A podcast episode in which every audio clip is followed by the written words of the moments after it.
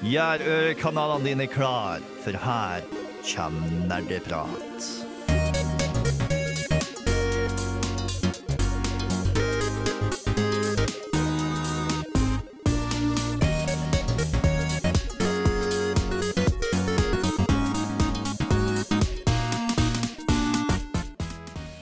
Hallo, alle sammen, og velkommen tilbake til en ny episode med Nerdprat. Vi skal snakke om idle-spill i dag, eller inkrementelle spill, som det også kalles.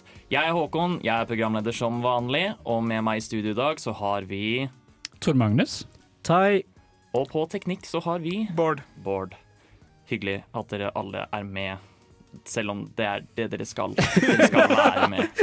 Eh, vi har eh, masse gøy vi skal snakke om i dag eh, f innenfor temaet, men vi skal også snakke om litt andre ting først. Så vi skal bare hoppe rett inn i det.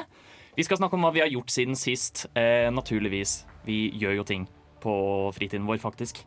Men før det så skal vi høre Once Awake med Blinded to Remind. Halla, snupper! Vil du være med og høre på nerdprat, eller? OK, her kommer vi! Vi skal snakke om hva vi har gjort siden sist. Eh, Jeg vet ikke med dere, jeg har ikke spilt så mye, men vi kan vel kanskje starte med Tai. Ja. Fordi Tai har jo spilt en del. Jeg har spilt uh, absurde mengder med uh Nå har jeg glemt det. Bannerlord. Bannerlord, Ja, Mountain Blade 2 Bannerlord. Ah, takk. Jeg har funnet ut hvordan man rekrutterer lord vassals. Endelig. Så nå kan jeg gi bort slott. Det høres ikke som en bra ting, men det er virkelig det, altså. Hvis du har for mange slott, så er det ganske irriterende å forsvare det alene. Og nå som jeg endelig kan rekruttere folk, så, eh, så kan jeg faktisk spille det ordentlig, da. Ja. Hva slags spill er det? Jeg har ikke hørt om det før. Eh, Bannerlord er et spill hvor du leker som Du later som du er eh, ridder på ja, 1400-tallet. Mm. I, en, I en fiksjonell verden, da. Eh, men det er ikke supernaturlig på noen måte. Så skal du erobre og tjene opp og ta over verden til slutt, da. Er endelig målet. Eh, Kan, du også bare være en slave hele spillet? Du kan faktisk være det. Ja. okay. Eh, hva er det du får for å gi bort slotta dine? Allianser? Jeg får allianser. Ja. Eh, for eksempel eh, Håkon. Du er min eldste datter. Ja, åh, åh Eh, yes, jeg liker hvor dette går. Ja. Eh, du har blitt gifta bort til Kusait, sin eh, sønn. Så det har aldri angrepet meg. Ja. ja, det er veldig bra, fordi det er et mektig land. Mm. Eh, TM, du er min nest eldste datter. Jeg har ingen sønner, by the way. ja uh, jeg skulle egentlig giftet deg bort, uh, men du har så gode stats, så jeg tenkte å ha deg som arving. så hvis jeg dør, så tar jeg over deg som karakter. Lol. Du er TM for, fikser ikke noe nei, du har for gode Men jeg har veldig gode stats, da, så det går jo helt fint. Ekstremt gode stats. Ja. Uh, Bård, du er min yngste datter. Eh, du har ikke gjort noe ennå, for du er 15. Ok. OK, det, er- det, det er fint at du har noen moraler, da, Time. Ja, ok, eh, det, er, det går ikke an å gifte bort 15-åringer. Ah, ja. Men altså, det er bare, om det det er hadde bare gått spillet som har moraler. Søren. ja, Ja. Ingen kommentar om det. Veldig gøy. Mm. Eh, Hmm. TM? Uh, jeg har ikke gjort så mye siden sist, jeg heller, egentlig. Jeg har bare og sett på uh, Game Grumps når de ikke leser til skolen og sånne ting. Og nå spiller jo Game Grumps eh, Sonic Heroes, Ja, som de har begynt på igjen nå. Og det er jo kjempegøy, fordi Sonic Heroes er jo ikke kjent for å være liksom det beste Sonic-spillet. Det er jeg, jeg, jeg husker det som barn at det var helt decent. Og når decent. man er barn og tenker at det er helt decent, da er det antagelig ikke så bra. Ja, altså Selv så elska jeg Sonic da jeg var yngre. Eh, jeg har laga en lydsak eh, langt langt tilbake i min nerdeprat-karriere hvor jeg på en måte fortalte om mine følelser for Sonic. Eh, og um, det har ikke vokst med tiden, for å si det sånn. Uh, og de har det veldig gøy. De, de tar liksom the shit ut av spillet, og you know, det er Game Grumps. Ja. Uh, så det er veldig gøy å se på som et avbrekk fra skolen, og det er liksom det jeg gjør akkurat nå. Mm, gøy. Ja. Eh, vi kan ta meg. Jeg har heller ikke gjort så mye. Jeg har hovedsakelig spilt Dark Souls. Mm. Dark Souls 3, for å presisere. Jeg fortsetter på karakteren min, altså The Joker Baby. Eh, fortsatt Pyromancer-bild. Han har ødelagt hele verden. Eh, Yes! fordi eh, historiemessig så er det jo meningen at du skal eh, få holde fyr i denne ene flammen som holder alt lyset i verden. Eh, Jokeren sa nei, fordi noen mennesker vil bare se verden brenne. Jokeren er en av dem. Så han eh, slukka den flammen i stedet. Men er ikke det litt motsatt? Hvis man skal se verden brenne, burde ikke da flammen være i live? Nei, fordi folk vil jo at flammen skal være i live. Men jokeren vil ikke det, fordi jokeren vil alt det andre folk ikke vil. Okay. Han er slem. Han er kaotisk. Eh, chaotic evil. Jo, men problemet er jo at den, den Altså, det er jo motsatt av å se ting brenne, men ja. Ja, men poenget er at der, ingen kan leve. Ja, jeg skjønner. Jeg tror analogien her var problemet. Ja. Ja. Jeg vil se verden brenne, la oss fjerne flammene. Men eh, Dark Souls 3, fortsatt veldig bra spill. Mhm. Koser meg masse. Pyromancy var også overraskende gøy. Ja. Bård? Jeg har spilt litt eh, forskjellig i det siste. Uh, utenom det jeg har mm, også spilt tidligere, så har jeg blant annet eh, Etter vi snakka om det dramaet med Frogwares forrige uke, så har jeg plukka opp Devil's Daughter, som er jeg tror det er deres tredje spill i Sherlock Holmes-serien. Ikke så veldig bra. Litt unødvendige ting, litt for, eller egentlig altfor mye unødvendige ting. Så jeg, jeg tror jeg avinstallerte det, om mulig returnerer på et tidspunkt. Jeg vet ikke helt ennå. Men jeg tror heller jeg fokuserer på noen av de andre spillene som skal være bedre. Ja. I tillegg har jeg spilt Obduction, som er spill veldig lignende Out of Wilds og lignende, hvor du skal prøve å liksom løse en gåte da, i verden som du ble plassert i. Foreløpig veldig bra. Eneste problem er at det kjøres som dritt, og jeg har muligens kommet borti en feil som bare gjør at jeg ikke får lov til å fortsette med spillet overhodet. Så jeg vet ikke helt hva som skjer videre. Ja. Det, det er nedtur. Ja. Men ellers så er det bra. Ellers var det bra. Ja, altså Konseptet var veldig fint, men ja, altså, det kjøres som dritt, som er også sykt irriterende. Nerdenytt.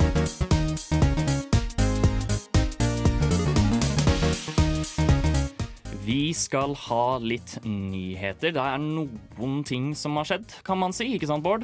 Uh, ja, Uh, det som kom Jeg husker ikke helt når det skjedde, jeg tror det var i helgen. Som er litt merkelig om at det er en uh, forretning, men uansett. Eh, Steam, nei, Valve annonserte at eh, Artifact er nå dødt. Fullstendig. Å ja, såpass. Ja. Bare- eh, de jobba visstnok uh, For de som ikke kjenner til Artifact Artifact ble lansert av Valve for en evighet siden, og til Det var Jeg tror det var liksom greit, eller helt greit mot det sånn umiddelbart, men spillermengden eh, falt av sånn momentant. Altså, det var Ja. helt uh, sinnssykt. Folk Og- hadde vel litt for mye hype rundt Valves nye spill, og så var det Dota 2 card game. Ja, stemmer. Uh, så det gikk tilbake til eh, arbeidsbenken med det, og har jobbet med det ganske lenge nå. Hadde til og med en alternativ versjon som eh, de jobber på, men så kom de ut og sa nei, nå slutter vi all utviklingen. På lik linje som Anthem også kom ut og sa nesten nøyaktig det samme Ja. i forhold til sitt spill for en uke eller to siden. Ja.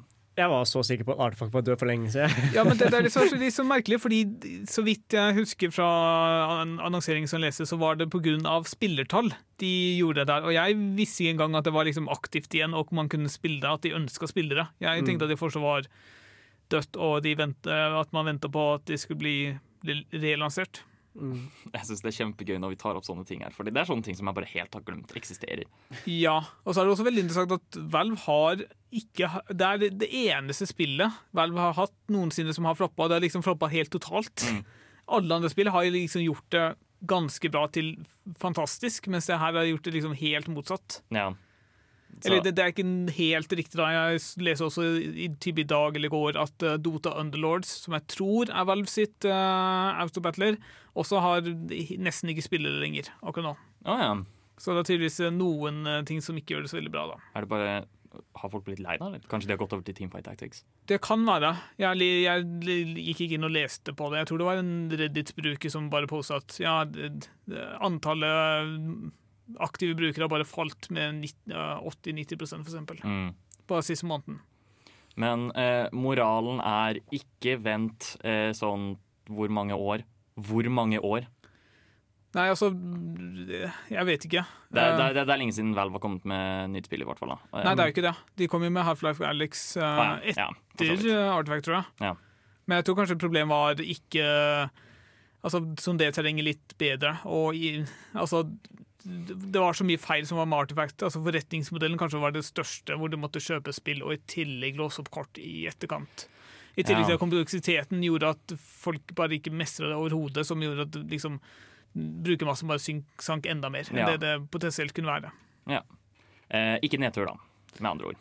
Nei, altså, folk flest vil nok ikke bry seg. Altså, spillene er lagt ut, uh, blir lagt ut gratis, både den originale versjonen og den nye versjonen. Og altså, du kan ikke bruke penger på det lenger. Så du har mulighet til å spille det dersom du ønsker det, og gratis å låse opp kort og sånne ting. Mm. Har vi en siste kjapp nyhet vi kan gå gjennom? Uh, jeg kommer ikke på noen At sånn Ty- Tyskland holder på med noe Ja, stemmer. Uh, Tyskland har uh, holder på med en, eh, boks, eh, en lov om eh, bokser i spill, eh, hvor du har tilfeldig altså gambling i spill i forhold til lootbox. Ah, mm. Og jeg vet, ikke helt hvor langt det er kommet, om det er vedtatt eller om det er under diskusjon eller hva, men det er under arbeid i hvert fall. mm.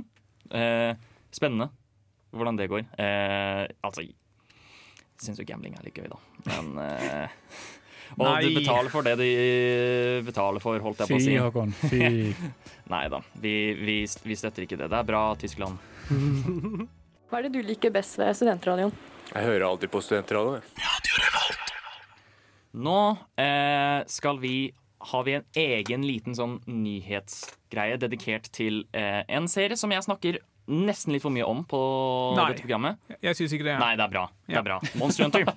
Hæ? Hva er Monster Hunter? Du har aldri hørt snakka om det? hva er Monster Hunter? Monster Hunter eh, er et spill hvor du styrer en person, eh, en monster hunter, faktisk.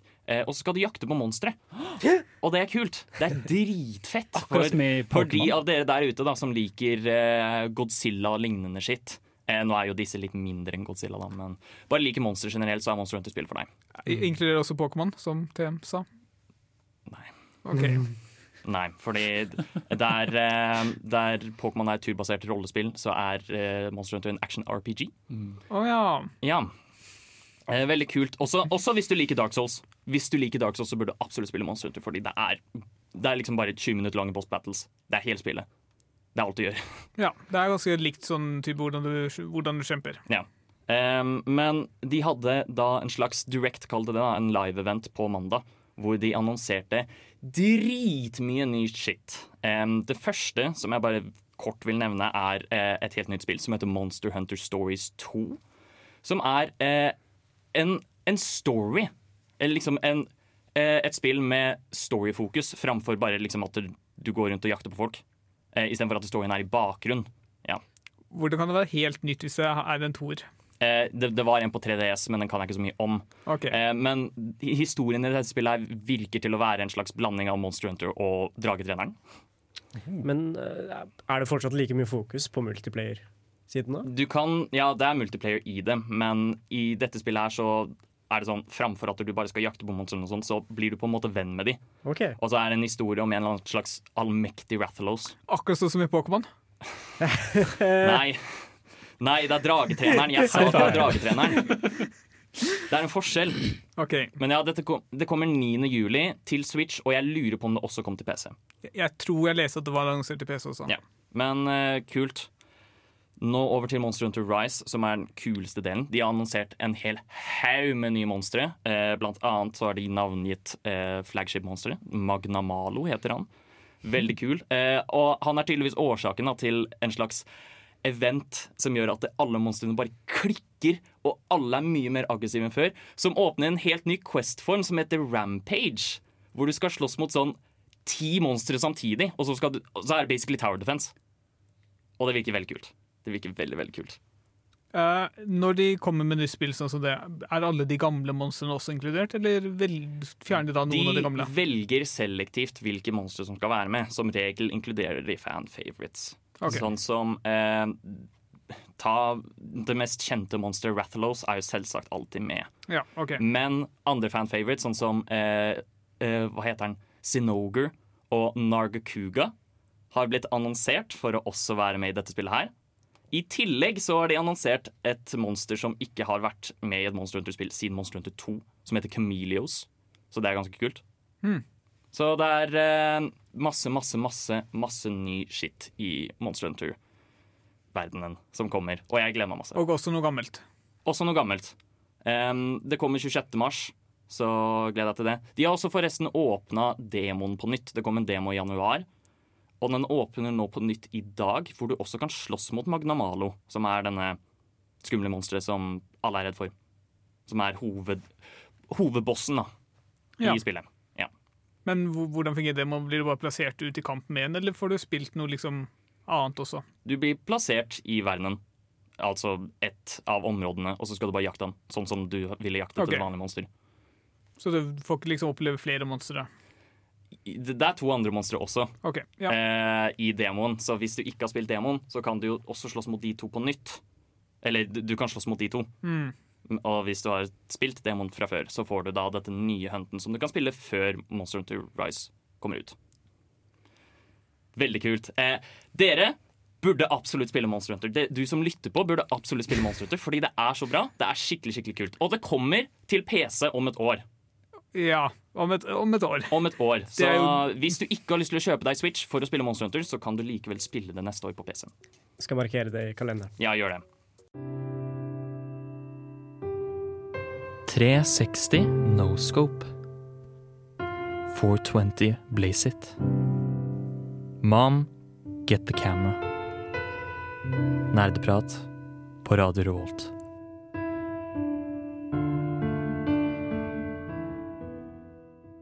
Vi er klare for temadelen vår.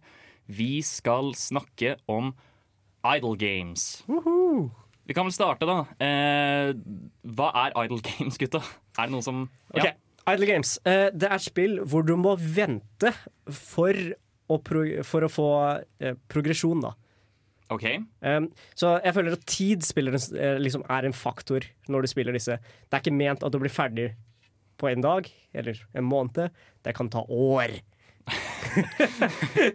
Jeg tror også det, man bør liksom si noe med Altså, det, er- det er ikke mentelt. Du Det er ikke nødvendigvis definert ut at du venter, fordi det er mange spill du må vente på av i en eller annen form, men det at du har noe, en ressurs som bygges opp over tid, og så investerer du i raskere måter å bygge opp den ressursen, sånn at du kan få, mer, få det enda fortere, og ha da en råd til enda mer ressursbyggende ting. Som, det er bare et evigvarende spill i den form, da. Ja, som du bruker, du bruker ressursen du tjener, slik at du kan tjene denne ressursen raskere. Ja. Ja. Mm. Er ikke meningen også at uh, det skal være veldig lett å plukke opp? Uh, og så kan du f.eks. få tak i ting slik at det spilles for det. Og så Ja. kan du på en måte besøke det litt sånn at your own leisure. på en måte. Mm. Jo, altså det, hele konseptet med at ting by, altså ressursen bygges over tid, er jo ved at det skjer automatisk. Mm. Noen spill lar deg gjøre det veldig fort, andre har det litt vanskeligere å komme inn i den fasen av spillet. Mm. Ehm, du, du insisterte jo egentlig på at vi skulle kalle det inkrementelle spill. Ja, jeg tror det er litt mer uh, definerende enn bare å si uh, at det er spill man venter på. Det er det, fordi det er igjen mange spill man kan vente på, og Mm. det er litt sånn det at de skal ha en ressurs eller valuta eller noe sånt som bygges opp inkrementelt, som er liksom sjangerdefinerende for mange, mye av det vi skal prate om i dag. da. Mm. Ja, og sånn, et, et typisk kjennetegn på disse spillene er at de bruker såpass store tall etter hvert. At det blir sånn eh, vitenskapelig, eh, vitenskapelig uttrykk, da. Som eksempel fem ganger ti i tiende E. Ja. Ikke sant? Det er typisk eh, inkrementelle spillmateriale. ja. Eh, du er vel for så vidt Skal vi kalle deg vår ekspert for dette feltet, Tai? Eh, du kan kalle meg vår eh, rehab-kandidat. Ja. Du har vel også satt deg litt inn i historien, har du ikke? Jo, altså Isle Games starta jo eh, i Det var vel i Congregate-æraen, da. Den gylne æraen av eh, web-based spill. Um, så det kom jo først uh, Hva het det?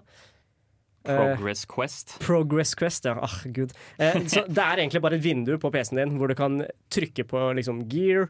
Du, altså, det står bare tekst, da. Og så er det en bar som fyller seg opp, og så progresser spillet av seg selv. Og så er det første tekstbaserte. Og altså, det hadde ikke grafikk? Nei, det hadde ikke grafikk. Ja. Eh, Det første med grafikk het Ayumi Loves eh, Hacker Quest, eh, eller noe sånt. Og det var basert på liksom botting da, i det som var datidens populære spill Maple Quest.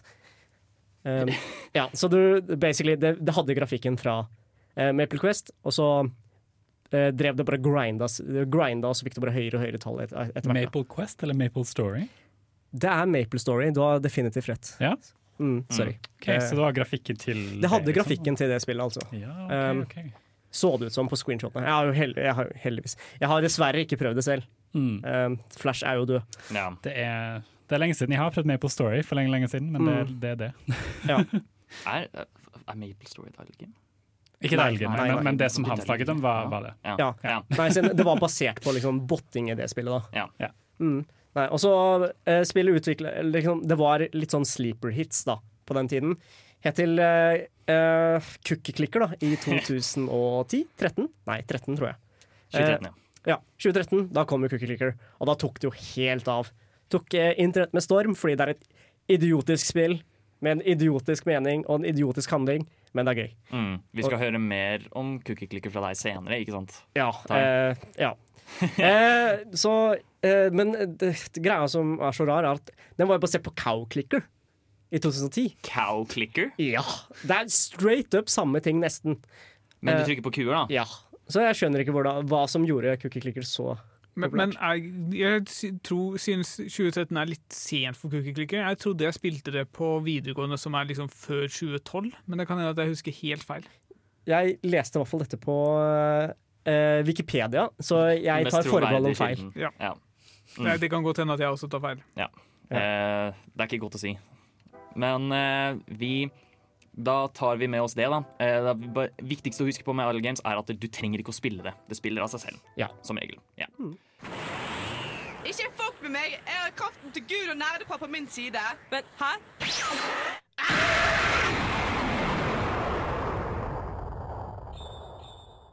OK, nå skal vi stille oss spørsmålet, og jeg er også veldig veldig nysgjerrig på dette. eh, for å få et svar. Fordi jeg husker dette, Disse typer spill var enormt populære på videregående og lignende. Du sitter og ja, spiller disse spillene istedenfor å følge med i timen. Men, men hvorfor? Hva er det som er så gøy med spill man ikke spiller? Ok, Håkon, la meg, la meg male deg et bilde her. Det er en kald vintermorgen. Du har nettopp stått ut og går ut av døra. Det er litt sånn nyfryst, tynn is på bakken. Du tråkker på den. Hva føler du da? Uh, jeg vet ikke. Glede. Tilfredsstillelse. Ren nytelse. Og det vil jeg også si er eh, poenget med Cookie Clickers. Da. Du, det er veldig lett progress. Du føler at du får til noe, selv om du ikke får til noe. Skjønner du? Det er, det er Fordi- dopamin på, på tapp. Ja, um, Tai har tidligere beskrevet dette som at du bare ser enormt store tall stige jævlig fort. Men disse tallene betyr ikke noe. De er bare funnet opp. Det er ikke sånn at du tjener ti millioner kjeks i virkeligheten. Nei, men, okay. Hvordan får, hvordan får man glede ut av imaginære tall? Hei, hei, hei. Håkon, når, når du redder verden i Dark Souls, eller brennerne i ditt tilfelle, føler du tilfredsstillelse da? Jeg vet ikke. Nei, du, du gjør jo det, selv om det ikke er virkelig. Ikke sant? Og det, det føler jeg at eh, Kukkeklikker gir meg dopamin. Men, men Tai, vil ikke én virkelig kjeks vært bedre enn uendelig virtuelle kjeks? Nei, men si det når du har nådd seks tillion cookies, du, Bård. Du, du har jo ikke det! Det er poenget! Ja, ok. Men hele greia er jo at uh, det er det er liksom, Når jeg kjeder meg, er det veldig lett å bare dra opp et alge. Fordi da har jeg ting å gjøre de neste fem minuttene. Jeg trenger ikke å tenke på det. Jeg trenger, ikke å strategi, liksom, jeg trenger ingen strategi, fordi jeg vet jeg kommer til å komme fram til målet mitt uansett. Fordi det ikke er noe mål. Mhm. Ja, altså vi, eh, For å være den kjedelige stemmen i rommet, da. Vi, vi mennesker vi liker jo eh, fremgang og progresjon. Mm. Sant? Eh, og Idle Games er jo noe som på en måte resonnerer veldig med eh, hva skal jeg si, latskapen som i dag på en måte, eh, du finner i mennesker som vil få veldig mye uten å gjøre noe. Sant? Mm. Eh, og det er på en måte det du gjør i Idle Games. Du trykker på start-knappen. Og så bare skjer ting. Og så Mm. trenger du ikke gjøre noe. Og så får du så mye tilbake. Ja, det er kanskje ingenting, altså det er jo virtuelle cookies, sant? Men, men det er liksom ting du får igjen uten å gjøre noe. Og Mm. derfor blir de jo sykt populære. Sant? Fordi du får liksom, jeg, jeg trenger ikke å sitte liksom i en time og levele opp. Jeg kan bare trykke på én knapp, Ja. Og så får de på en måte like mye tilbake. Jeg kan Tingen er jeg kan se det mer som en slags bakgrunnsting. At du har det på i bakgrunnen mens du gjør andre ting. Eh, og det er derfor det er så kjekt med liksom Nå som det på en måte har gått veldig over til mobilspill og lignende. Mm. Fordi du, du kan ha den i sovemodus, og så bare jobber den for deg. Og da kan du gjøre andre ting, og sånt Og da kan du ta den opp etterpå. Men når folk sitter i videregående og sitter, på, sitter i timen, og så sitter de der og trykker, da er det sånn Da kunne du gjort noe mer spennende enn det, tenker jeg. Enig. Ja, jeg hadde en periode hvor jeg spilte litt Cookie Clicker, men når jeg skulle prøve igjen rett før denne sendingen, så fant jeg ut at jeg, jeg var opptatt med å spille ordentlig spill. jeg glemte helt at jeg hadde det tåpelige drittspillet på mobilen min som egentlig jeg burde følge med på.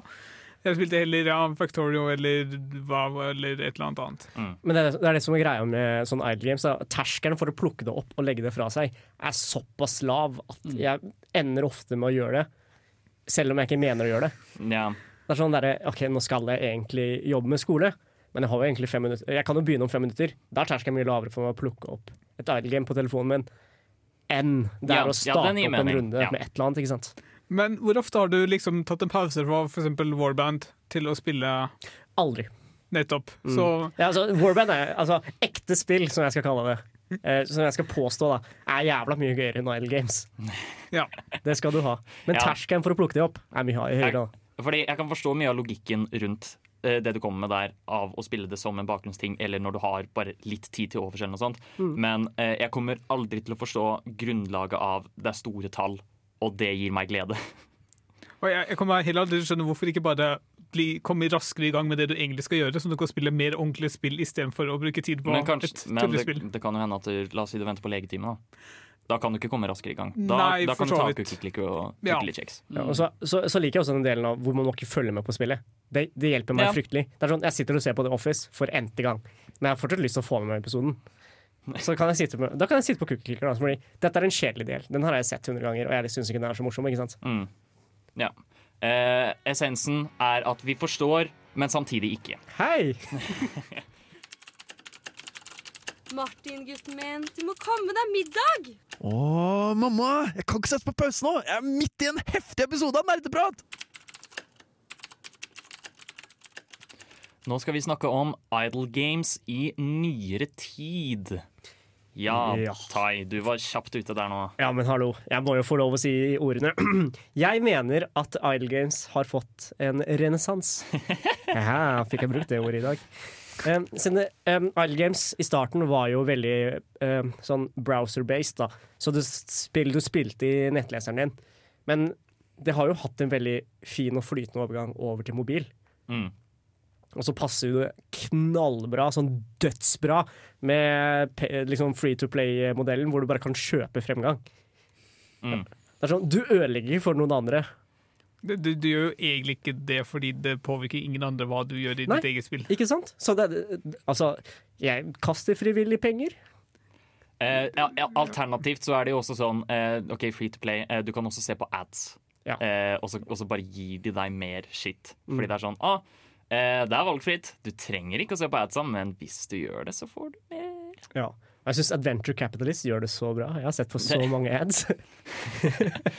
Ja, for i Adventure Capitalist spesifikt Altså det er tenkt er cookie clicker, men eh, vi skal snakke mer om det senere. Mm. eh, hvor det er litt mer sånn eh, Bruk av ressurser, da. Forskjellige ressurser og Mm. litt sånt. Um, der er det sånn hvis du ser en ad, så får du dobbel profitt i fire timer. Mm. Og det er jo ganske Ganske lenge, og ganske mye profitt. Og ikke bare det, de lar deg se på flere ads som kan forlenge det fra fire til åtte timer. Fy faen. Så det er, det er jo absurd hvor bra Hvor mye penger de tjener på et spill med så lite opprett, liksom vedlikehold. Mm. Jeg merka det også med Cookie Clicker, hvor det var sånn Der kan du også se ads, og så gir de deg mer kjeks. Eh, ja, sånn at du bare kan Hvis du er litt kjeks unna da, av å kjøpe en til oppgradering som kan gi deg mer kjeks, Mm. så bare ser du en ad, og så får du nok. Ja. Og da vinner de, men du vinner også. Jeg syns det høres skikkelig dystopisk ut, egentlig. Her, liksom, selv tiden din, så gir vi deg litt virtuelle cookies. Men eh, jo da, men det blir jo i stor grad av at jeg legger fra meg mobilen, og så Ja. kommer jeg tilbake etter 30 sekunder. Hvis du er smart, så gjør du det, ja. Ja. Men, men liksom Eh, ja, vi, vi, vi, gir kanskje de store kapitalistiske firmaene det de vil ha, men eh, jeg ser ikke på det, i hvert fall. Nei. Nei. Så, de, så de vinner ikke. det er bra. det er bra. Um, men har vi noen eksempler på noen av disse spillene? Vi har nevnt Adventure Capitalist og Cookie Clicker. Er det noen andre? Oh, som har gått over fra nettleser.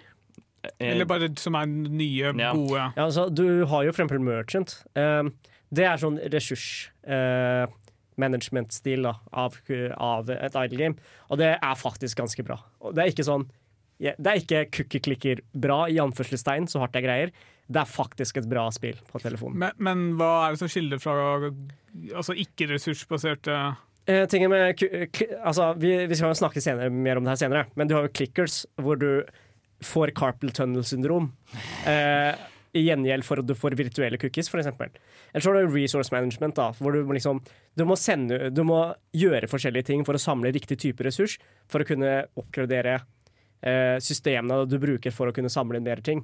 Og det syns jeg er mye mer artig, fordi det krever en viss eh, det krever en viss nivå da, av strategi for, for å kunne gjennomføre det. Ok, og hvor, hvor avhengig har du blitt av dette her? Eh, Jeg var ikke så veldig avhengig av det. Altså. Det her var faktisk et spill hvor jeg faktisk eh, Jeg nøt tiden min med det, okay. istedenfor at jeg satt og var frustrert over at jeg trykka på en kjeks 14 000 ganger.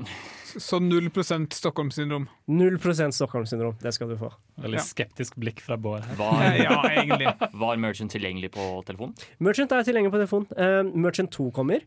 OK. Uh, de har sagt en stund, i hvert fall. Jeg husker ikke hvor langt det har kommet. Men uh, det, i hvert fall- det går i hvert fall an å få det i early access. da.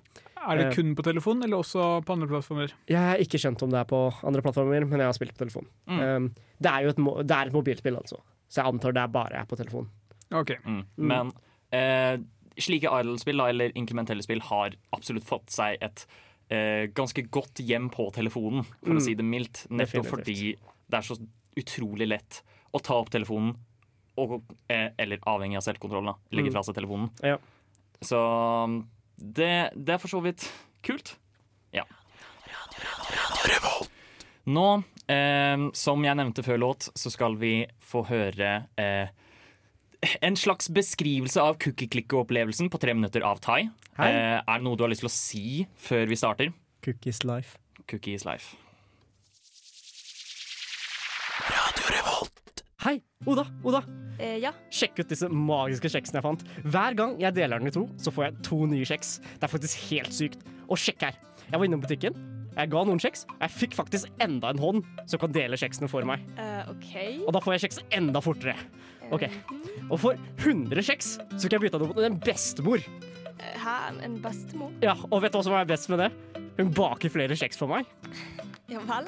Ja, ok. Og vet du hva enda kulere enn det? Man kan faktisk dyrke kjeks! Du hørte rett. Putt, kjeks, eh, putt kjeksen i bakken, vent litt, så får du flere kjeks. OK, det høres litt rart ut. Ja, men du, Det er fordi kjeksens opprinnelse faktisk er ganske fascinerende. Visste du at i noen land så har de faktisk kjeksgruver? Hæ? Jeg- Dette visste jeg ikke. Jeg, jeg eier faktisk et par selv. Man kan faktisk kjøpe de med kjeks på butikken. For folk flest kjenner jo bare til kjeks fra fabrikkene. De produserer jo mye større mengder med kjeks derfra, men det er jo aldri helt det samme, da. Og så, og så vil jeg også meddele at eh, bankene da, nå kjøper og selger kjeks som det er finansielle instrumenter. Det syns jeg høres veldig rart ut. Ja, så, så jeg anbefaler da at du, du bytter inn utdaterte Fiat-penger mot kjeks, da. OK. Fremtidens eh, valuta. For før menneskeheten glemte sine røtter og tilba falske idoler, guder, profeter og hellige skikkelser, faller alle foran makten til den ene sanne. For i antikkens tid tilba de kjeksenes guder i templene. For det er med sikkerhet jeg kan fortelle deg at det er kjeksen som ble funnet på månen. Falske kjemibøker vil kanskje fortelle deg om løgner om atomer og molekyler, men i alkemiens verden består grunnelementene av kjeks, det, gr det sanne grunnstoffet. Med vår kunnskap om kjeksens makt kan vi sammen åpne portaler til andre verdener, verden av glitrende, deilige kjeks og ekte guder, og tilbe den sanne, ekte kjeksen. Med tidsmaskiner kan vi reise tilbake i tid, til den ekte tiden hvor kjeksen og menneskeheten var forent som ett. For det er bestemødrene som hele tiden har ledet oss på riktig vei. Én kjeks om gangen. Vår pakt med det gamle, ukjente og vise har hatt en uvurderlig pris. Vår begrensede virkelighet er kun en smule av kjeksen. For den ene sanne kjeksen er vårt mål. Vi må ofre, tilbe og spre evangeliet om kjeksen, for denne vil belønne oss med kjeks. Vi må jobbe mot, bekjempe og krige mot de som vegrer seg mot kjeksens herredømme, og vise at vår sannhet er det som vil gjenstå etter krigen. Antimateriale, lys gjennom prismen, ren sjanse og fraktaler er alle verktøy for å komme frem til sannheten. For universet er en kjeks. Det er opp til oss å spise den.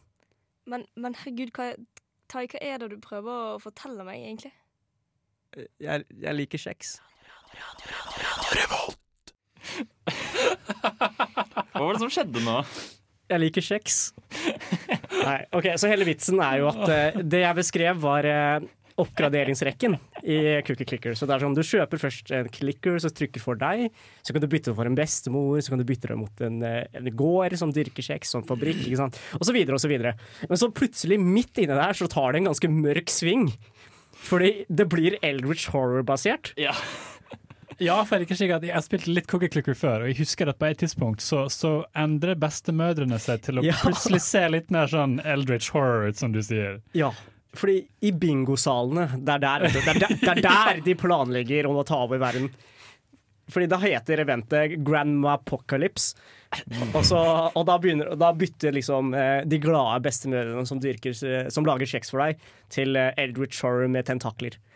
Røde øyne. Og... Ja, det, det- det kom liksom, Jeg var jo ikke kjent med dette da jeg begynte å spille. Jeg bare så, det her kom fra ingen steder! Så det var bare Det var liksom en vits basert på det. Eh, men cookie clicker, ja. Mm. Så Mm. du prøver da å spre evangeliet. Ja, ikke sant. Så etter hvert så er det når det, du, du kan se Det her er sånn liten nyhetsfeed da i spillet, som en liten eh, Som en liten eh, ja, påskeegg, jeg vet ikke hva jeg skal si. Eh, Easter egg. Um, og så er det sånn der, så folk beskriver det sånn sakte, men sikkert. Jo mer cookies du har, jo mer blir virkeligheten forandra til cookies. Så ja. Det er internvits, hvis du har spilt Cookie Clicker litt for ehm, den siste oppgraderingen, og jeg for første gang begynte å spille Cookie Kilku på mandag, faktisk. Hvor ehm, og, og, og jeg utmerket meg umiddelbart at den aller siste oppgraderingen du kan få, er Cookie God. Jeg lurer på hva det er. Så forkast alt du vet om virkeligheten, Mm. fordi alt er kjeks. Alt er kjeks. Og det um, Jeg vet ikke helt om jeg setter pris på denne nye åpenbaringen som du har gitt meg, Tai. Men Håkon, eh, det fine med kjeksen som sannhet er at det, det spiller ingen rolle hva du tenker. Fordi det har kommet for å bli. Ja, Eh, hva syns vi om Cookie Clicker, da? Sånn ellers. jeg, jeg liker det, altså. Ja. Nei da. Jeg, jeg har et love-hate relationship med Cookie Clicker, vil jeg si. Ja. Um, Du har tidligere snakket om uh, hvordan Cookie Clicker ødela livet ditt. Å, gud, ja. Uh, tingen er at det har en mekanikk i Cookie Clicker som uh, heter golden cookies. Hvor det lar deg liksom, For eksempel, du kan få 666 ganger din vanlige produksjon av cookies. Du valgte det tallet, ja. Ja, men det er jo, det, er jo faktisk det. Nei, er det, er det ikke det? 777, ikke. kanskje. En av de, i hvert fall. I hvert fall det, det øker i hvert fall cookiene du kan få. Noe absurd. Ikke sant? Ja. Så du, du kan liksom få seks måneders arbeid på 30 sekunder. Så det er mye mer, det er mye mer lønnsomt å bare følge med på spillet helt til det skjer, enn at uh, du faktisk spiller spillet på vanlig måte. Jeg, tror det er enda mer lønnsomt å bare ikke bry seg så mye om spillet, og heller ta deg ordentlig pause. Ja, men Bård, eh, logikk og eh, lo, liksom ordentlig tenkning har, jeg, har ikke en plass i cookie-clicker-verden. Nei, OK, greit. Mm. C is for cookie, cookie is for Det er sånn jeg ser for meg thai. Ja, nei, vet du hva, det var ikke langt unna. Nei. Nei, men så det kom til et punkt hvor jeg bare sånn Jeg la meg på kvelden, og så sto jeg opp. Fordi eh, cookie, cookie clicker eh, Etter første oppgradering med eh, Ascension og sånt, da, så kunne du få tak i en sånn greie som samla cookies for deg fire timer etter at du, la det, etter at du stoppa det. Mm. Og da pleide jeg å legge meg rundt tolv, så måtte jeg stå opp. Eh, og så innløse cookiesene mine og så legge meg. Du hadde alarm på? Mm. Ikke Ok, eh, Da skal jeg råde alle der ute til å bytte til telefonappen i stedet. Fordi der er det tolv timer. Faen, det kunne du sagt tidligere! Så vil si at du kan faktisk sove en full natt og likevel våkne opp til at du fortsatt tjener cookies. Ja, men det største rådet jeg kan gi dere, er å ikke spille cookies. Ja, egentlig. Eh, men aksepter cookies i hverdagen din. Definitivt. Ja, fordi det må du nesten. Eh, det var det vi hadde. Men vi er ikke ferdig med å snakke om klikkerspill helt ennå, fordi ja, det er det vi skal snakke om nå. Vi skal snakke om klikkerspill eh, som sjanger innenfor Idle Games. Hei, det er Kyra Gørvla Kygo Nei, bare kødda. Det er Thomas Seltzer. 30 år eldre enn Kygo. eh, Og du hører på Radio Revolt. Og som jeg nevnte før låt, så skal vi nå snakke om clickers. Fordi eh, vi var litt usikre på hvor mange det var, men det finnes faktisk andre clickers enn cookie clickers, selv om det er det vi i hovedsak Ja. har snakket om. Ja, så det, det, er jo en, det er jo en stor sjanger innenfor Idle Games i seg selv. Um, og så har du jo uh, Hele greia med clickers er at poenget er at du skal trykke så jævlig mange ganger du bare greier, og så er det måten, raskeste måten å tjene ressurser på. Ja, men uh, altså Inkluderer det også f.eks. Adventure Capitalist? Eh, greia er at Jeg mener at Adventure Capitalist egentlig er resource management. Men eh, det dukker opp når man søker uh, clicker idle games. Ja, fordi eh, jeg har spilt det nå i det siste, og du, du starter jo med å klikke én Mm. gang, men så fort du låser opp noe som kan klikke for deg, så har du ikke lov til å klikke manuelt lenger. Ja, ikke sant? Nei, så jeg vet ikke. Um, Kan, kan, vi da, kan vi da si en slags blanding av begge? At det starter som en clicker, Mm. og så går det over til mer research Ja. management Ja. etter hvert? Ja. men jeg, jeg mener at på starten hvert fall, så var ikke managers en ting på Adventure Capitalist. Å ja, virkelig? Så du måtte trykke? Ja, jeg, jeg mener jeg satt og trykka. Så, det- å ja. Og så er det jo også veldig interessant at uh, klikkingen uh, varer i type, kan vare flere timer. Mm. På noen av de større tingene du uh, låser opp. Ja. Mm. Ja. Nei, og så, så hele sjangeren baserer seg på at du skal trykke så fort og så ofte og så mye du greier. da. Ja. Det er liksom måten å holde deg interessert i spillet på. Ja, du, du bare trykker, og så får du. Mm. Sånn, som, sånn som med Cookie Clicker. Du trykker på kjeksen, og da får du mer kjeks. Ja. Så et annet spill jeg spilte ganske mye her da. Jeg bare, røp, jeg bare outer Ja. meg selv for hele verden her. Eh, Jeg spilte Tap Titans en god del også. Hva er Tap Titans? Eh, Tap Titans er et spill hvor du har, du har sånne Det de kaller for Titans, det er sånne helter som står og slåss mot monstre. Okay. Og så monstre har en HP-bar. Altså, de slåss av seg selv også, og de dør jo aldri, eh, fordi de er Titans. Mm. Eh, og det er et klikkerspill. Eh, og så greia er at de, de slår fortere om du trykker. Ah, OK. Eh, så du, da, dreper du, da dreper de liksom fienden fortere, og da dropper de lut. Og så, så går det videre, da. Ja, Og så er det, er det uendelig mange Titans? Da, Det er uendelig mange Eller fiender er det uendelig, ja. Men så mange, det er bare så mange Titans. Så kan du oppgradere Titans med, med, med ting, som, med ting monstrene dropper, da. Mm. De, de dropper ikke items du kan oppgradere med, de dropper penger. Ikke sant? Så du bare Ja. kjøper upgrades med ressursen penger. Ja, Sånn at du kan Ja. drepe fiender fortere. Ja, altså, har, Og få mer cash. ja. Og så dreper det fortere Mm. fiender, og så får du mer cash. Ja. Ja. Men har det noe slutt overhodet? Nei, på ingen måte. Okay. så det, er- det er jo et idle game, da, så det Ja. slutter jo Det er ikke meningen at det skal slutte. Det, det skal bare bli helt enormt store tall, som vi nevnte. Ja. Og så har du jo eh, typisk klikkerspill har jo sånne events da, hvor det dropper en shit. Et eller annet. Altså, som øker progress-baren din noe fryktelig. Eh, som for, jeg, jeg tror det var sånn der Shadowblade eller noe sånt. Og så var det sånn der, da begynner alle å bli skygger, og så slår de enda fortere. Så det er sånn, hver gang, du, hver gang du trykker, så trykker du ti ganger for deg. Eller noe sånt, noe sånt? Mm. Så er, da, da holder du deg mer fokusert da, enn at du bare sitter og trykker på den mens du ser på serier eller noe sånt. Ja. Men essensen av klikkerspill er på en måte at du Du kan fortsatt få ting uten å spille spillet, Mm. men du får ressurser raskere dersom du Ja. Faktisk deltar. Mm. Så det er sånn det er jo, De prøver jo å holde deg engasjert da, så Ja. godt de greier for å være et idle game. Mm. Selv om det er utrolig lite engasjerende å klikke på en Hei, hei, hei! hei, hei Ja, men jeg er helt enig. Jeg er absolutt helt enig. Altså. Jeg, ja. Men uh, jeg var ganske avhengig av dette, så her brukte jeg faktisk penger. Ah, Gud. På Cookie Clicker?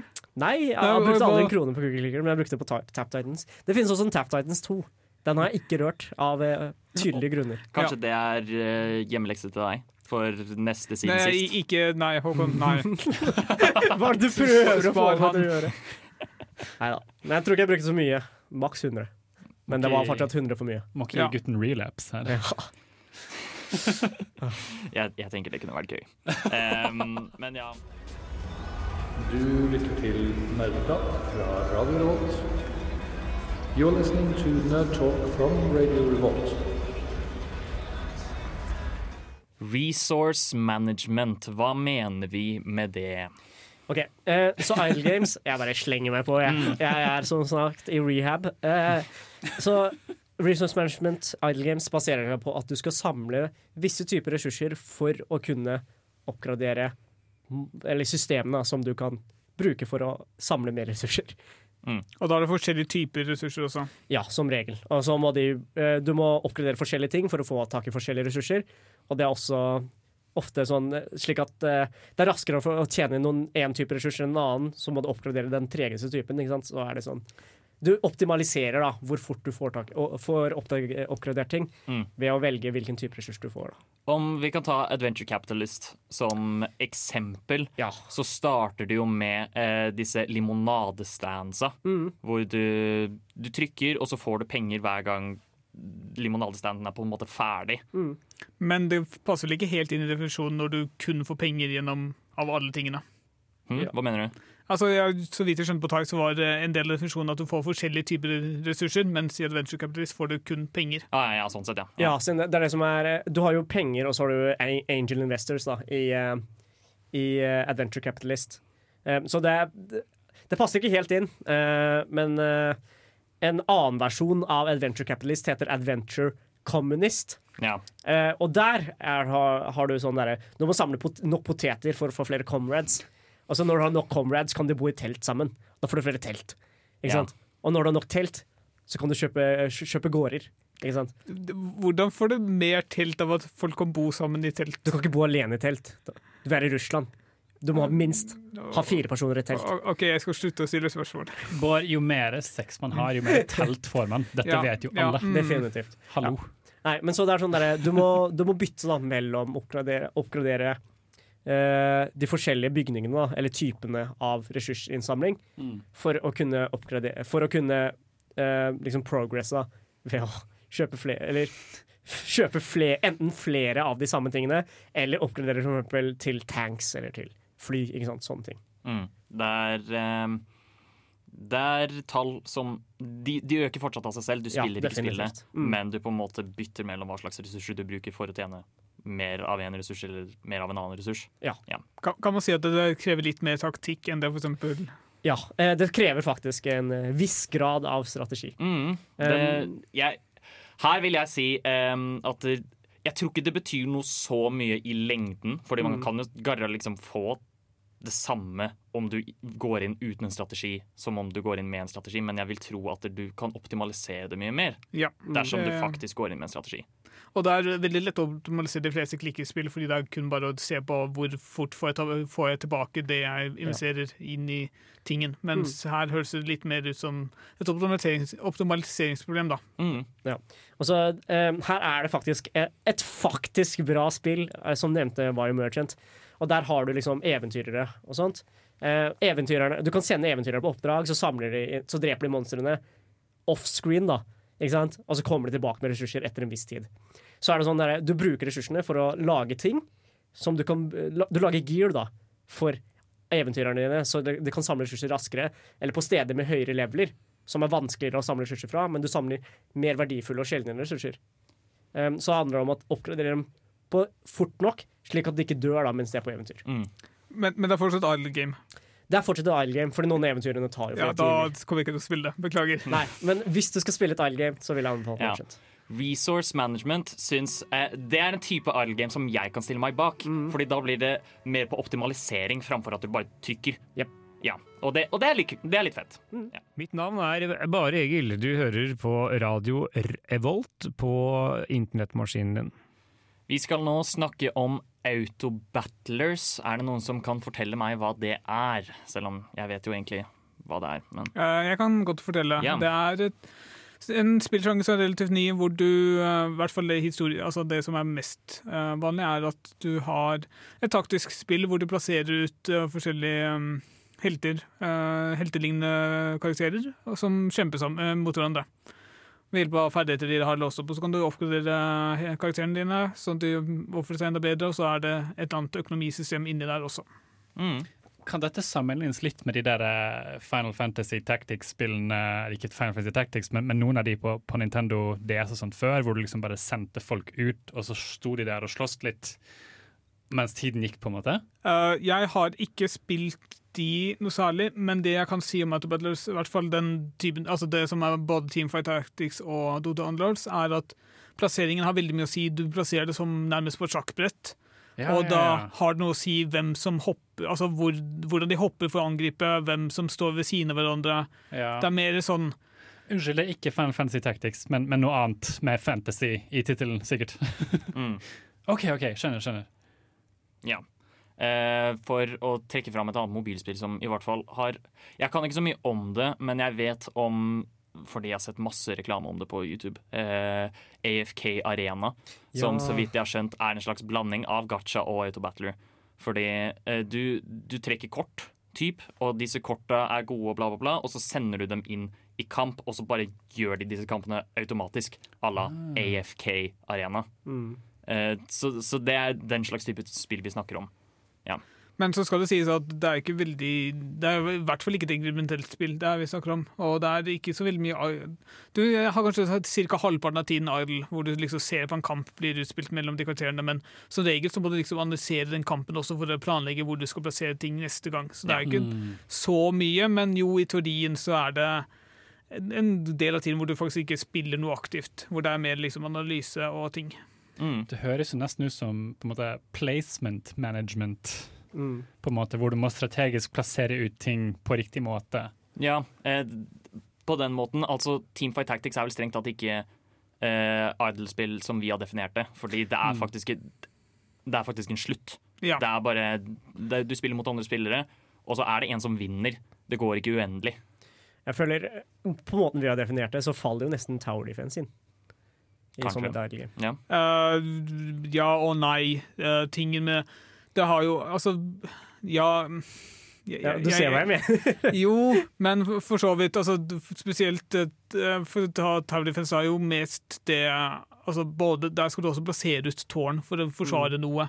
Mens de, altså, Poenget med liksom de inkrementelle, spillene vi snakker om, nå er det har veldig lite taktikk. Taktikken er kun liksom i forhold til investering. Det er ikke noe plassering, det er ikke noe hva som er sterkest mot et annet. Det er liksom bare kun hvordan det kan jeg maksimere profitten min.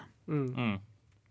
Et spill du har nevnt litt sånn smålig, eh, og vi kommer til å snakke om det snart igjen nå, men Loop Hero, er ikke det en såkalt autobattler? Jo, på en måte. Uh, Loop Hero har jo nylig kommet ut, forresten. Eh, det er knallbra, syns jeg nå. Ja. Eh, men eh, der er det sånn Det er en helt som går i en sirkel, eh, som er eh, forhåndslagd hver gang, da. Så skal du plassere et, Du styrer vanskelighetsgraden til spillet ved å plassere ting da som du får i inventoryen din, liksom utover, eh, utover kartet. Så får du liksom litt forskjellige ressurser, og graden av lut da er basert på hvor um, hvor, hvor vanskelig du gjør det. Ja, OK. Uh, Så hele greia er at uh, Problemet er at du kan dø, så du må justere vanskelighetsgraden ganske mye. Ah, ok. Så det her er det faktisk Men det en fortsetter altså. fortsetter i teorien i uendeligheten så lenge du lever? Så lenge du lever, Ja, som er okay. lettere sagt enn gjort. Vi skal nå høre fra en mann som er veldig langt unna hva han syns om programmet Nerdeprat på Radio Revolt. Nerdeprat er veldig gøy! Vi snakker om nerdeting og dataspill! Sånt liker jeg! Nå skal vi diskutere litt sånne vris på sjangeren, fordi du nevnte i hvert fall Loop Hero som en veldig fin en her, ikke sant, Tai? Ja, altså Greia med Loop Hero er at det, ko- jeg føler at sjangeren på PC egentlig har dødd litt ut. Ja. Hvil, hvilken sjanger er det? Eh, litt, hva, skal jeg, hva skal jeg si, da? Det er jo ikke direkte et idle game. Nei, det er jo ikke det. Eh, men det, det, har, det, har jo, det er jo en autobattler. Ja, det er det. Eh, så jeg vet ikke. Og det har Er idle-elementer i seg. Ja, siden du styrer jo ikke Du styrer jo verken combat eller eh, ja, liksom gå, hvilken retning du går, eller Mm. Men du designer jo verden, og du ser på hvilke Ja. utstyr du har lyst til å bruke, og oppgraderer det. Og Mm. du må jo planlegge litt sånt, så du, du, hvis du bare lar være å pause spillet, så er det ikke så mye dødtid når du spiller det. Nei. Så det, det, det er et idle Eller det er et incremental game. Ish. Nei, det er vel heller Ok, men egentlig ikke. ok, ok, ok, La meg prøve igjen. Det er en autobattler. Ja. Uh, ja. Det er egentlig det eneste som eh, kvalifiserer for å være med i sendinga her. Da. Ja. Uh, Um, så, så, så det er ikke et så lett tema å snakke om, faktisk. Nei. Men ja. Det er jo er verdt å nevne at det er jo definitivt autobattle, og det er kanskje det mest nyvinnende altså, Autobattle er jo en utrolig ny sjanger. Kom liksom type eh, tre Nei, ikke tre, det er kanskje litt mer. Kanskje fem år siden. og sånt. Tre til fem år siden. Men allikevel veldig nyvinnende for- for- form av det, fordi det er rogelight, det er um, Du har permanente oppgraderinger som du samler opp, og du spiller ikke mot andre spillere som liksom alle andre autobattlers Battlers gjør omtrent. Du spiller mot en CBU, eller mot en verden, da. Mm. Hvor du selv bygger opp, sånn du kan kjempe mot en boss til slutt. Det det, altså, det det høres ut som her, er jo at det, eh, det, er, det, er ins har inspirasjon fra inkrementelle spill og idle-spill og lignende. Ja, fordi altså, Styrken din kan du kanskje si at det er liksom en inkrementell form, fordi du får jo nytt utstyr som gjør Ja. sterkere, men det er jo ikke samme liksom, ressursmåten du har i uh... Jo, men det er det som er greia. Du er jo litt, det er jo litt resource management også. Ut fra hvilken type terreng du legger ut, så samler du den typen ressurs. Ja, Så, jo så krever du den ressurstypen for å oppgradere campen. Men det er jo akkurat samme som Magic the Gathering omtrent. Du lager en, eh, velger hvilke kort ut fra hvilken manotype du har Ja, lyst på, og så sånn, ja. er det Mm. de kortene som dukker opp når du trekker et kort. Ja. Så Loop Hero er et litt sånn limbo-sted av hva slags sjanger det er, men Ja. det er veldig nyskapende. Det, det inntrykket jeg får av å høre om Loop Hero, er at det, det, alt som er spennende med det, eh, er at alle idle-elementene til idle games er det som det, Fraværet av det er det som gjør Loop Hero kult. Ja, eller altså det er en, den, den tar mye av de Altså, den gjør en det, det blander to sjangere som du ikke ser blande så veldig godt, og så Mm. gjør du en relativt god jobb med det. Jeg er ikke veldig helt fornøyd med spillet. Eh, jeg har noen kritikker å komme med, men det gjør, det, det, resultatet er liksom ganske bra. Og som, å- noe som overrasker ingen, at jeg, så liker jeg det veldig godt. ja. Inntrykket jeg har fått, eh, bare for å snakke om liksom Hvis vi skal tenke på vris på sjangeren, hvordan eh, disse typer spill kan holde seg relevant, eh, er vel kanskje Inntrykket jeg har fått, er at vi i hvert fall liker de strategiske elementene litt. Grann. Eh, og at det da kanskje kan være lurt å ha mer strategi involvert innenfor disse Idol-spillene. Mm. Ja. Ja. Eh, TN så ikke helt enig ut med meg der. Nei, det var helt urelatert. Men jeg, jeg er enig, fordi spillet som Adventure Capitalist er helt forferdelig, syns jeg. Hæ? Det, det er bortkasta tid, bortkasta alt, egentlig. Ja. Så hvis man kan ha noe lignende, bare mye mer med strategi involvert og litt mer planlegging og sånn, så kan det være godt. Mm. Sånn som en autobatter, for eksempel. Ja, fordi da, du gjør ingenting eh, når selve spillet kjører av seg selv, men du har på en måte gjort noe i forberedelse for at det skal Mm. gå bra. Ja. Og Ja. du driver med analyse underveis og liksom Ja. prøver å legge en plan og sånn ski. Ja, Og det er kult. Og det er slike vrier vi ønsker å se i Idle Games framover. Ja. Ja. Nerdeprat på Radio Revolt. Tro det eller ei, det finnes faktisk det man kaller ordentlige spill, som har latt seg inspirere av slike inkrementelle elementer som man ofte ser i inkrementelle spill. Har vi noen eksempler? Du, du snakker veldig mye om Factorio Board. Ja, jeg har spilt sånn type 80 timer Factorio de siste tre ukene. og sånt. Så uh, der er det definitivt det. Fordi ofte Eller du kan ikke nødvendigvis si at du har blitt inspirert av det, men det er en nødvendig onde for Ja. å få spillet å gå rundt. Fordi av og til så forsker du på et eller annet, og som regel så har du alltid mulighet til å liksom bygge noe annet. Bare bygge opp mer infrastruktur, mer produksjon og sånne ting. Men av og til så er du tom for ressurser. Du må vente til at den ene tingen du, altså for å få produksjonen i gang, sånn at du faktisk kan bygge det neste du har tenkt å planlegge, eller det neste du har tenkt å bygge. Ja, så, uh, hele greia med Factoria er at du skal automatisere så mye som mulig. Så du basically bygger et idle game til slutt. Ja, faktisk. Nei, ikke helt, fordi da bruker du hele tiden på å liksom drepe Ja. romvesener, Ja. og du holder jo alltid på å liksom prøve å utvide og sånne ting. Ja, altså Factoria er jo dritkult. Du bygger et større og større eh, fabrikk, da. Så krever det mer og mer vedlikehold, fordi du har glemt et eller annet dritt i et hjørne. Altså, men greia er at spillet blir mer og mer automatisert til det punktet at det er ikke vits i at du samler eh, eller produserer ressurser med selv, fordi spillet gjør det såpass effektivt uten deg. da. Men eh, det som gjør det gøy, er at du har planlagt hele, hele aspektet. da. Til Ja. en viss grad, i hvert fall. Ja, og så bruker du hele tiden på å liksom gjøre justeringer, kanskje prøve ut en annen eh, produksjonslinje enn den du allerede bruker, eller drepe noen romvesener som angriper basen din. Ja, ja dette, dette var faktisk mye av det vi snakket om før låt. Um, at vi vi liker når det på en måte Når vi tar en del av eh, optimaliseringen. Ja. Så det er ganske kult. Vi kan også snakke om eh, en av mine favorittspillserier, XCOM.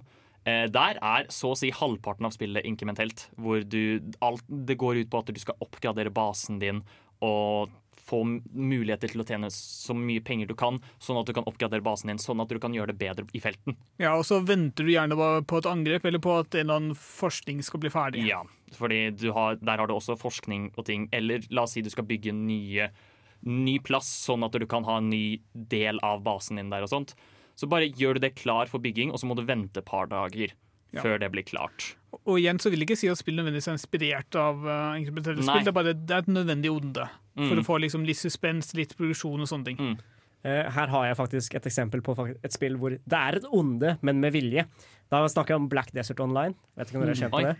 Okay. det, det er et spill som ligner veldig på Det er, mye, be- det er basically World of Warcraft med mye bedre grafikk. Um, bare at det er ekstremt mye idling. Fordi du, okay. du Mens du spiller, så går du tom for energi, så må du vente. Og så er det sånn der, et av skillsene er sånn fisking, så du står og venter på fisk. Uh, apropos energi, jeg vil bare si hvor mye jeg hater alle mobilspill som har energigreier. Som ja. gjør at du ikke kan spille når du vil spille, men du må vente til energien blir kommer tilbake igjen. Da får du skru fram klokka, da. Jeg, gjør ikke så, jeg bryr meg ikke så mye om det jævla spillet til å gjøre sånne ting. Jeg vil bare spille, jeg vil ha det gøy. Jeg vil ikke skru fram klokken eller betale for å få mer energi. Men kanskje å vente er en del av gleden? Nei. Nei. Men i hvert fall, greia med video, er- eller Black Desert Online, er at uh, Ja, så det, det, det gjør det faktisk til et aktivt del av spillet dersom du ikke betaler. OK. Ja, ikke sant. Så der, Eh, da er det kanskje heller en måte å få deg til å betale for spillet. Ja, så det gjør deg sopp. De bruker jo um, De bruker jo mekanikkene fra Incrementelle og Idle Games for å forårsake deg som, som, For å kjede deg såpass mye at du kjøper for å spille. Som kanskje er et veldig dårlig tegn for Idle Games. Men ja. Veldig sleipt. kan man Ekstremt si. sleipt. Men eh, hvis du faktisk betaler og er villig til å kjøpe upgradesene som er nødvendig, så har jeg hørt at det faktisk er en av de beste spillene. Ja. eh, På, på, I hvert fall i den sjangeren der ute. Mm. Mm. Så for å oppsummere, hva syns vi om inkrementelle elementer i vanlige spill som ikke er nødvendigvis inkrementelle? Jeg vil si det går helt greit så lenge det er i moderat mengde. Ja. Ikke nødvendigvis negativt. Mm, det, jeg er for så vidt enig i det. Og måten dere beskrev Factorio nå, synes jeg var faktisk ganske kult. Så ja. Når innså du at du var en gamer? Dersom du kunne spilt kun et spill i et år Hva er det eldste spillet i backloggen din? Hva har du lært fra spill som du har fått nyte av i Er det et spill som har hjulpet deg gjennom en tung periode av ditt liv? Hva er ukas utfordring?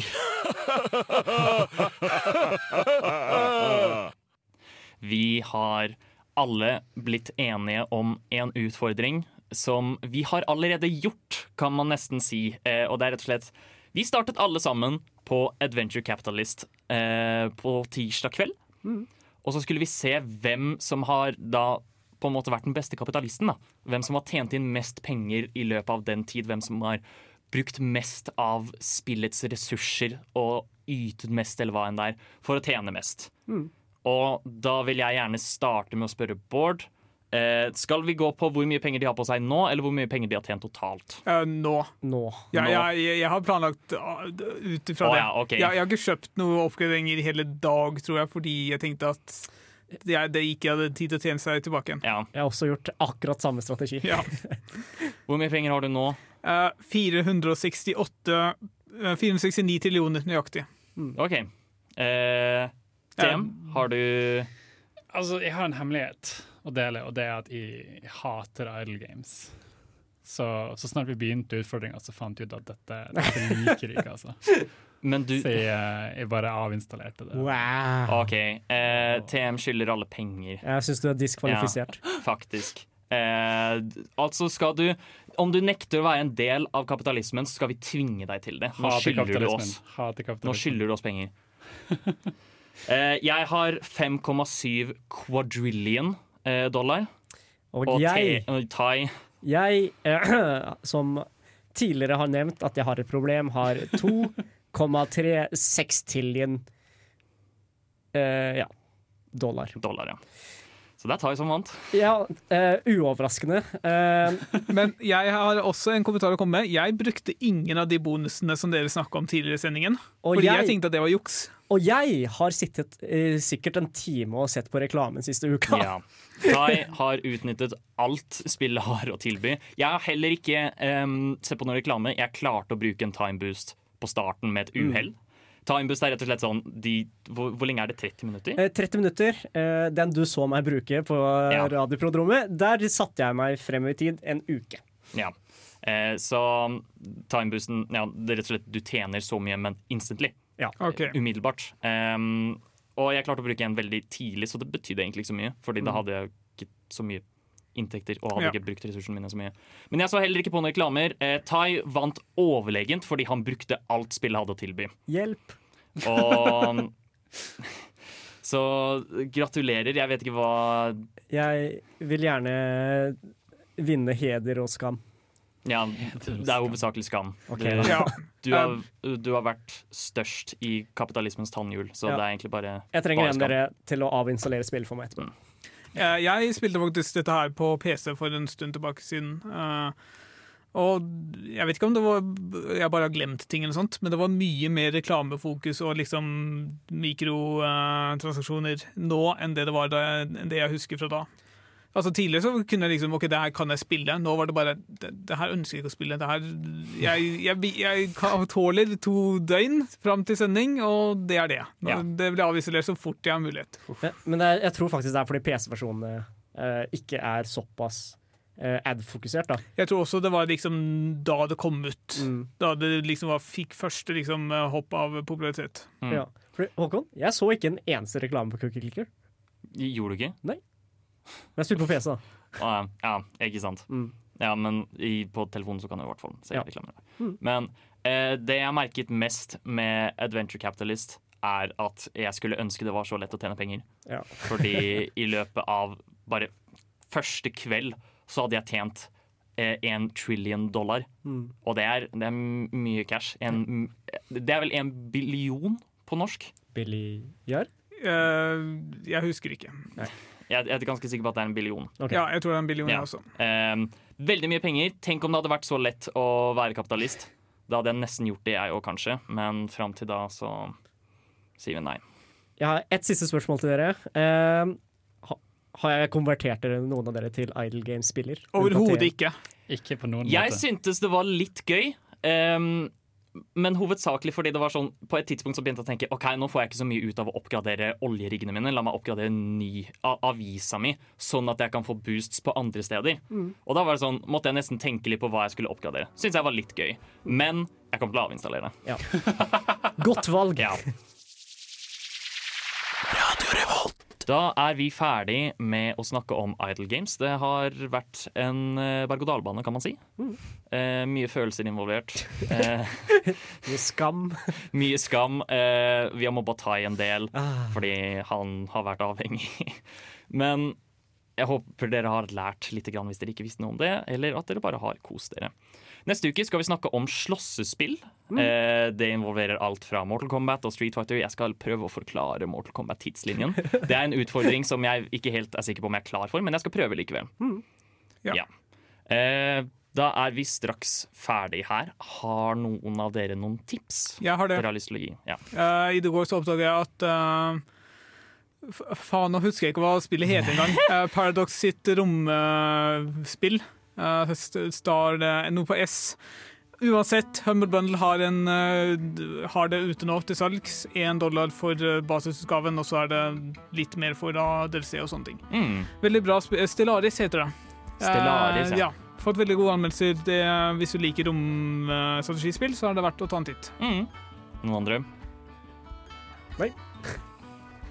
Nei, eh, jeg kan si veldig kjapt, og det er eh, pasta pesto er veldig godt. Ja, absolutt.